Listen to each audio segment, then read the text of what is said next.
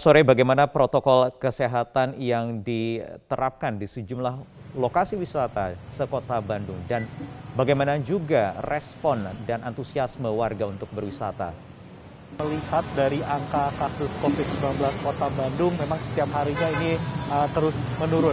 Bahkan perdata 9 Oktober 2021 bahwa angka kasus kematian di kota Bandung terkait dengan COVID-19 nol dan penambahan kasus juga tidak begitu signifikan. Bahkan beberapa daerah di kota Bandung saat ini tidak ada kasus COVID-19-nya.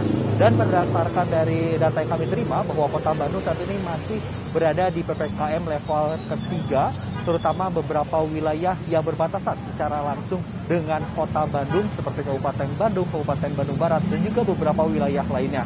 Walaupun pemerintah kota Bandung dan Polrestabes Bandung juga telah menerapkan kembali setiap akhir pekannya untuk menerapkan adanya uh, penyekatan, terutama di lima gerbang pintu tol dan juga beberapa wilayah kawasan wisata. Namun kami pantau di kawasan Asia Afrika di hari ini kondisinya cukup ramai. Misalnya saja Wahyu dan juga pemirsa bisa kita lihat di belakang saya saat ini memang masyarakat terus berdatangan terutama untuk berwisata di kawasan uh, alun-alun uh, kota Bandung dan Braga dan juga beberapa kawasan lainnya yang saat ini memang sudah diperbolehkan untuk berwisata. Terutama kawasan Asia Afrika ini selalu menjadi daya tarik khusus bagi para wisatawan. Menariknya karena saat ini kawasan Asia Afrika Kota Bandung ini diperbolehkan bagi uh, cosplay-cosplay untuk uh, berada di sepanjang jalan Asia Afrika ini. Namun ketika kita melihat dan juga membahas terkait dengan protokol kesehatan, terutama masyarakat yang berwisata kali ini sudah hampir 100% ini menggunakan masker.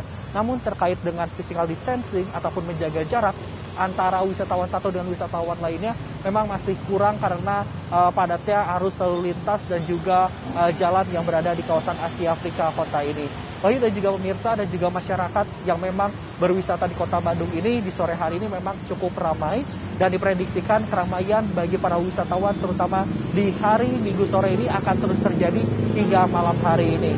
Berwisata yang aman tentu perlu diperhatikan bagi masyarakat kota Bandung ataupun masyarakat luar kota Bandung agar uh, kasus COVID-19 baik itu di kota Bandung dan juga di Indonesia ini tidak kembali meningkat. Kemudian adakah tim Satgas COVID-19 yang juga berada di lokasi memantau uh, penerapan protokol kesehatan yang berlaku di sana? Ya, kalau kita melihat memang Wahyu dari siang hari tadi hingga sore hari ini kami pantau belum terdapat adanya tim Satgas khusus yang memantau dan seperti apa ataupun memberikan himbauan begitu kepada masyarakat terkait dengan protokol kesehatannya. Namun beberapa uh, menit uh, ke belakang, kami tadi sempat melihat ada jajaran dari Satpol PP yang uh, memberikan informasi kepada masyarakat untuk selalu menggunakan masker dan juga menjaga jarak. Namun kalau bisa melihat kita saat ini masyarakat sendiri juga terus berdatangan, terutama di kawasan Asia Afrika Kota Bandung ini, dan malam hari nanti pasti akan lebih ramai kembali dan diharapkan memang perlu adanya kesadaran sendiri begitu bagi masyarakat. Karena mengingat bahwa saat ini ada beberapa pihak seperti Satpol PP dan Polri ataupun juga dari pihak TNI yang berjaga hanya di beberapa titik saja.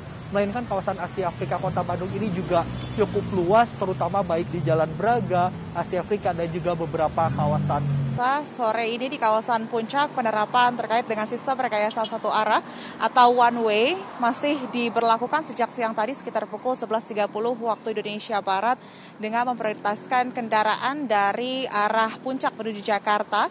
Sementara untuk arah sebaliknya yaitu dari arah Jakarta menuju Puncak ditutup jelang exit tol Ciawi. Dan terkait dengan kebijakan uh, sistem rekayasa lalu lintas satu arah ini diterapkan untuk mengurai kepadatan yang saat ini terjadi di sejumlah titik di kawasan wisata puncak apabila tadi kami sempat memantau melalui peta satelit memang sejumlah titik-titik seperti di kawasan Masjid Atta Awun kemudian di kawasan Pasar Cisarua sampai dengan kawasan Megamendung masih terlihat adanya kepadatan lalu lintas. Dan kepadatan lalu lintas yang terjadi saat ini merupakan dampak adanya peningkatan volume kendaraan pada hari Sabtu kemarin yang mana hal tersebut biasa terjadi setiap akhir pekan di kawasan wisata puncak. Apalagi di tengah adanya pelonggaran uh, aktivitas seiring dengan menurunnya kasus aktif COVID-19 saat ini sejumlah tempat wisata di kawasan puncak sudah uh, dibuka kembali seperti Taman Safari, Cibori dan juga di kawasan uh, Kebun Teh Gunung Mas yang sudah buka kembali secara terbatas sehingga membuat adanya peningkatan uh, volume wisatawan. Meski demikian, yang perlu diingat adalah sampai dengan saat ini sebetulnya Kabupaten Bogor masih memperlakukan terkait dengan kebijakan PPKM level 3. Dari pihak pemerintah Kabupaten Bogor sendiri juga saat ini belum membuka di, uh, ke kawasan puncak sehingga untuk wisatawan asing belum disarankan untuk berwisata ke kawasan puncak meskipun kawasan puncak sendiri ini merupakan salah satu kawasan wisata primadona bagi uh, wisatawan asing dari negara Arab Saudi. Dan guna mengurai kepadatan yang terjadi, sejumlah uh, kebijakan juga diterapkan. Salah satunya adalah kebijakan ganjil genap yang setiap akhir pekan saat ini diterapkan mulai dari Jumat, Sabtu, Minggu untuk mengurangi mobilitas warga di kawasan puncak setiap akhir pekannya. Dengan efektivitas uh, uji coba terkait dengan kebijakan ganjil genap yang diperlakukan di kawasan wisata puncak berlaku mulai dari hari Jumat sampai dengan Minggu tidak hanya diperlakukan untuk kendaraan kendaraan roda 4 namun juga kendaraan roda 2. Namun kalau kita melihat efektivitasnya memang uh, kurang begitu karena meskipun ada kebijakan ganjil genap sampai dengan saat ini kawasan Puncak Bogor masih saja padat. Dan terkait dengan hal tersebut, sampai dengan saat ini pun pihak kepolisian juga sampai akhirnya harus menerapkan kebijakan uh, sistem rekayasa lalu lintas atau one way, uh, baik dari arah atas ataupun ke arah bawah secara bergantian untuk mengurai kepadatan yang terjadi di kawasan wisata puncak. Saat ini dari pihak Kementerian Perhubungan, pemerintah Kabupaten Bogor, serta uh, sejumlah stakeholder terkait juga masih terus melakukan kajian terkait dengan uh, kebijakan, terkait dengan antisipasi dan juga pembatasan-pembatasan kendaraan-kendaraan kendaraan di kawasan wisata puncak ini. Salah satunya dengan memungkinkan adanya kebijakan 4 in 1 eh, dalam penerapan pembatasan penumpang di kawasan wisata puncak untuk nantinya dapat membatasi mobilitas warga yang hendak berwisata ke kawasan puncak tiap akhir pekannya. Namun sampai dengan saat ini memang kebijakan ganjil genap masih akan terus diberlakukan sampai nanti akhirnya akan ada kebijakan baru yang diterbitkan dari pihak Kementerian Perhubungan. Jadi kapan tepatnya jemaah umroh Indonesia bisa berangkat lagi ke Tanah Suci? Ya, ini nampaknya mengenai tanggal ini yang ditunggu-tunggu ya. Iya. Tapi memang kita masih menunggu untuk panduan teknis dan informasi resmi yang disampaikan oleh Saudi kepada pemerintah kita. Jadi sampai saat ini kita baru mendapatkan informasi nota diplomatik tentang kemungkinan ya membuka kembali ya kesempatan bagi jamaah umroh Indonesia untuk bisa menjalankan ibadah haji. Tetapi di situ kita belum ada panduan resmi ataupun informasi lebih jauh tentang kapan dan bagaimana serta persyaratan apa saja yang harus dipenuhi oleh jamaah umroh dari Indonesia. Jadi saya kira kita hanya bisa berharap secepatnya gitu ya. Dan kemudian dari pemerintah Indonesia dengan pemerintah Saudi itu juga sudah bisa lebih siap ya secara teknis terutama untuk mitigasi pelaksanaan umroh masa pandemi. Gitu ya. Hmm. Jadi kalau dari poin-poin yang kemarin disampaikan, dikeluarkan informasinya lewat kedutaan besar uh, Kerajaan Arab Saudi di Jakarta, itu apa saja? Ya, itu kan kesempatan ya bagi Indonesia untuk bisa melaksanakan umroh kembali, ya kemudian juga tentang kebijakan karantina, ya, kemudian ya. mengenai vaksin, uh, tetapi kan itu belum detail, Pak. Ya. Dan informasi tentang misalnya orang yang kurang memenuhi syarat wajib mengikuti karantina selama lima hari. Nah, yang kurang memenuhi syarat itu siapa? Ya. Nah, oleh karena hmm. itu dari Kementerian Agama, Kemenlu maupun Kemenkes terus berkoordinasi, termasuk juga rekan-rekan kita yang saat ini berada di konjen di Saudi terus berkomunikasi untuk mendalami hal ini. Karena ya dibutuhkan kesepakatan antara dua negara mengenai teknis pelaksanaan umroh ini ya terutama untuk aspek kesehatannya gitu ya. ya. Sistem apa yang digunakan? Deteksi aplikasi apa yang akan digunakan di Saudi. Nah, kita misalnya punya Peduli Lindungi ya. Hmm. Di Saudi punya Tawakal. Ya. Ini kan sedang proses integrasi ya operasionalnya sehingga nanti jamaah tidak terlalu repot. Nah ini membutuhkan persiapan teknis saya kira. Jadi hmm, okay. ya, ya kita ya, harapkan ya. bisa cepat, tapi tanggal kita belum bisa pasti. Tanggal belum pasti. Uh, adakah ya. hal yang sudah pasti terkait vaksin, Pak? Karena uh, pemerintah Kerajaan Arab Saudi ini beberapa waktu lalu hanya menyerahkan sejumlah uh, merek vaksin yang boleh atau disetujui untuk bisa masuk ke Arab Saudi, terutama untuk jemaah asal Indonesia untuk umroh ke sana. Itu bagaimana kabarnya, Pak? Ya, sampai saat ini kan masih belum berubah ya kebijakan tersebut. Tapi pemerintah Indonesia masih bisa atau sedang bernegosiasi. Kan lebih bagus kalau misalnya kita itu menggunakan vaksin yang digunakan di negeri sendiri. Saat ini jutaan orang telah menggunakan vaksin tertentu gitu kan. Nah, kalaupun ada kewajiban itu ya bagaimana mekanismenya akan di ya. mana dilaksanakan siapa yang berwenang untuk memberikan otorisasi ya untuk vaksin tersebut. Nah, ini teknis-teknis ini Mas Wahyu yang sedang kita siapkan dengan Kemenkes misalnya. Karena memang vaksin ini tidak sederhana ya, bukan hanya sekedar ketersediaan ya, tetapi otoritas untuk memberikan booster. Ya, hmm. Itu ada di siapa. Nah, ini yang sedang kita dalami dan kita siapkan. Kemudian kita juga harus tahu bahwa terkait dengan jamaah yang belum memenuhi persyaratan itu apakah terkait dengan vaksin ya? Apakah vaksinnya harus dua? Bagaimana yang belum vaksin? Nah, tentu ya. ini juga hal yang uh, harus kita jelaskan uh, ke jamaah gitu ya sehingga mereka betul-betul siap secara teknis. Baik. Pak Hilman selain urusan vaksin apalagi yang dijadikan syarat utama terutama untuk memenuhi protokol aspek protokol kesehatan bagi jemaah umroh asal Indonesia yang hendak ke tanah suci Ya, ini terkait dengan protokol kesehatan sebetulnya, bukan semata-mata umrohnya ya. Protokol kesehatan yang harus siap ya dilaksanakan oleh jamaah maupun penyelenggara ibadah umroh dan juga pemerintah yang memfasilitasinya. Nah, karena itu kita berharap bahwa nanti ketika pelaksanaan umroh kita katakanlah ada skenario ya, untuk meminimalisir ya kemungkinan adanya zero incident atau adanya insiden.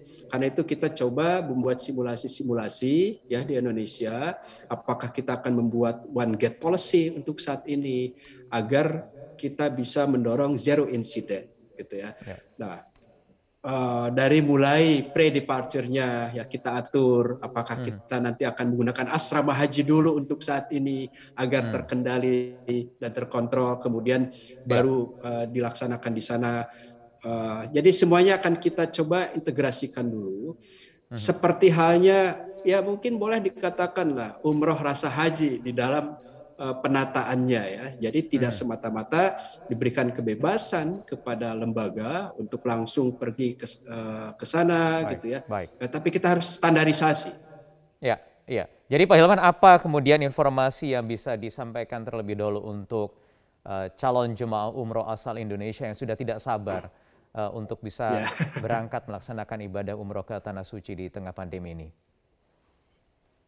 Baik, terima kasih Mas Wahyu. Yang pertama adalah dari tiga kementerian ya Kemenag, eh, Kemenlu maupun Kemenkes sudah ada tim ya yang mempersiapkan skenario dan model pelaksanaan secara teknis di Indonesia untuk pre-departure-nya ya.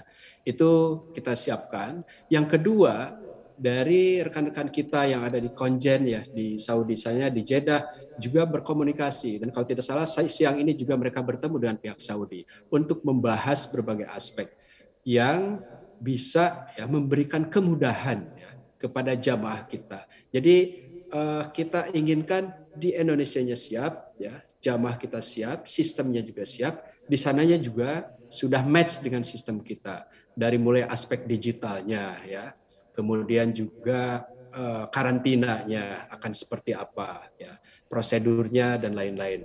Jadi mudah-mudahan harapannya adalah dari Saudi ya sudah ada panduan teknisnya untuk kita dan Baik. dari kita juga sudah siap untuk melaksanakannya. Hmm. Jadi mohon bersabar dulu karena aturan betul. teknis nanti pelaksanaannya masih akan uh, diformulasikan ya Pak Hilman ya. Betul betul Pak betul. Jadi ini ya, berapa lama kira-kira waktunya? Kita Pak? harus pahami ya saya berharap gini Kalau untuk pelaksanaan tesis bersama Saudi itu kan tergantung dari proses yang ada di sana. Kita berharapkan ya. satu dua minggu kita bisa selesai panduan teknis, kemudian di Indonesia juga bisa selesai dan itu kan Baik. terkait dengan uh, nanti keputusan seperti apa dari sana. Baik. Yang paling penting Pak Mas Wahyu bahwa kita berharap ya Indonesia diberikan kemudahan ya. Baik. Kemudian dari vaksin juga kita semua sudah bisa aman. Uh, jamaah juga tidak ada lagi insiden dan insya Allah okay. mudah-mudahan bisa segera lancar lah untuk pelaksanaan umroh ini. Kementerian Dalam Negeri menegaskan pasangan suami istri yang menikah siri bisa mendapatkan kartu keluarga atau kakak. Dirjen Kependudukan dan Pencatatan Sipil Kementerian Dalam Negeri, Zudan Arif Fakrullah menyebut, hal ini didasarkan pada aturan bahwa semua penduduk wajib terdata di dalam kartu keluarga. Oleh karena itu, pasangan nikah siri tetap bisa memperoleh kartu keluarga sama seperti pasangan yang tercatat secara resmi di Kementerian Agama. Menurut Zudan, keputusan ini merupakan wujud campur tangan negara dalam melindungi warga negara seperti perempuan dan anak-anak hasil pernikahan siri. Justru Dukcapil sekarang memberikan perlindungan hukum dengan mencatat menuliskan perkawinannya di dalam kartu keluarga itu menjadi jelas siapa bapaknya. Yang disampaikan hmm. oleh Bu Andi Yentriani tadi keliru besar. Dengan dituliskan di dalam kartu keluarga, maka anak yang lahir dari perkawinan nikah siri itu sekarang bisa dimuat di dalam akte kelahiran dengan nama bapak dan ibu. Di sisi lain, Ketua Komisi Nasional atau Komnas Perempuan Andi Yentriani justru mengkhawatirkan dengan diperbolehkannya pasangan nikah siri mendapatkan kartu keluarga akan mengakibatkan beragam penyalahgunaan.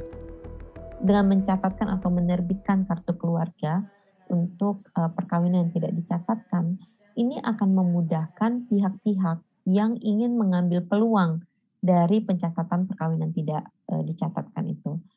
Terutama peluang ini bisa dilakukan oleh yang laki-laki Mungkin ada yang perempuan, tapi rasanya akan lebih banyak digunakan oleh pihak yang laki-laki.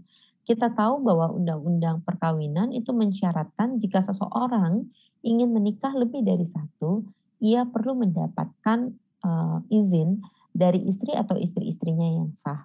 Ini menurut KUHP kita adalah sebuah tindakan uh, pidana dan dapat dihukum dengan uh, pidana kejahatan terhadap. Dalam penerapannya, pasangan nikah siri akan dicatat dalam satu kartu keluarga selayaknya suami istri lainnya. Dukcapil akan memberi tanda khusus pada kartu keluarga pasangan nikah siri. Untuk pendataan tersebut, pasangan nikah siri wajib memenuhi sejumlah syarat, yakni surat nikah siri, pernyataan tanggung jawab mutlak kebenaran pasangan suami istri yang diketahui oleh dua orang saksi,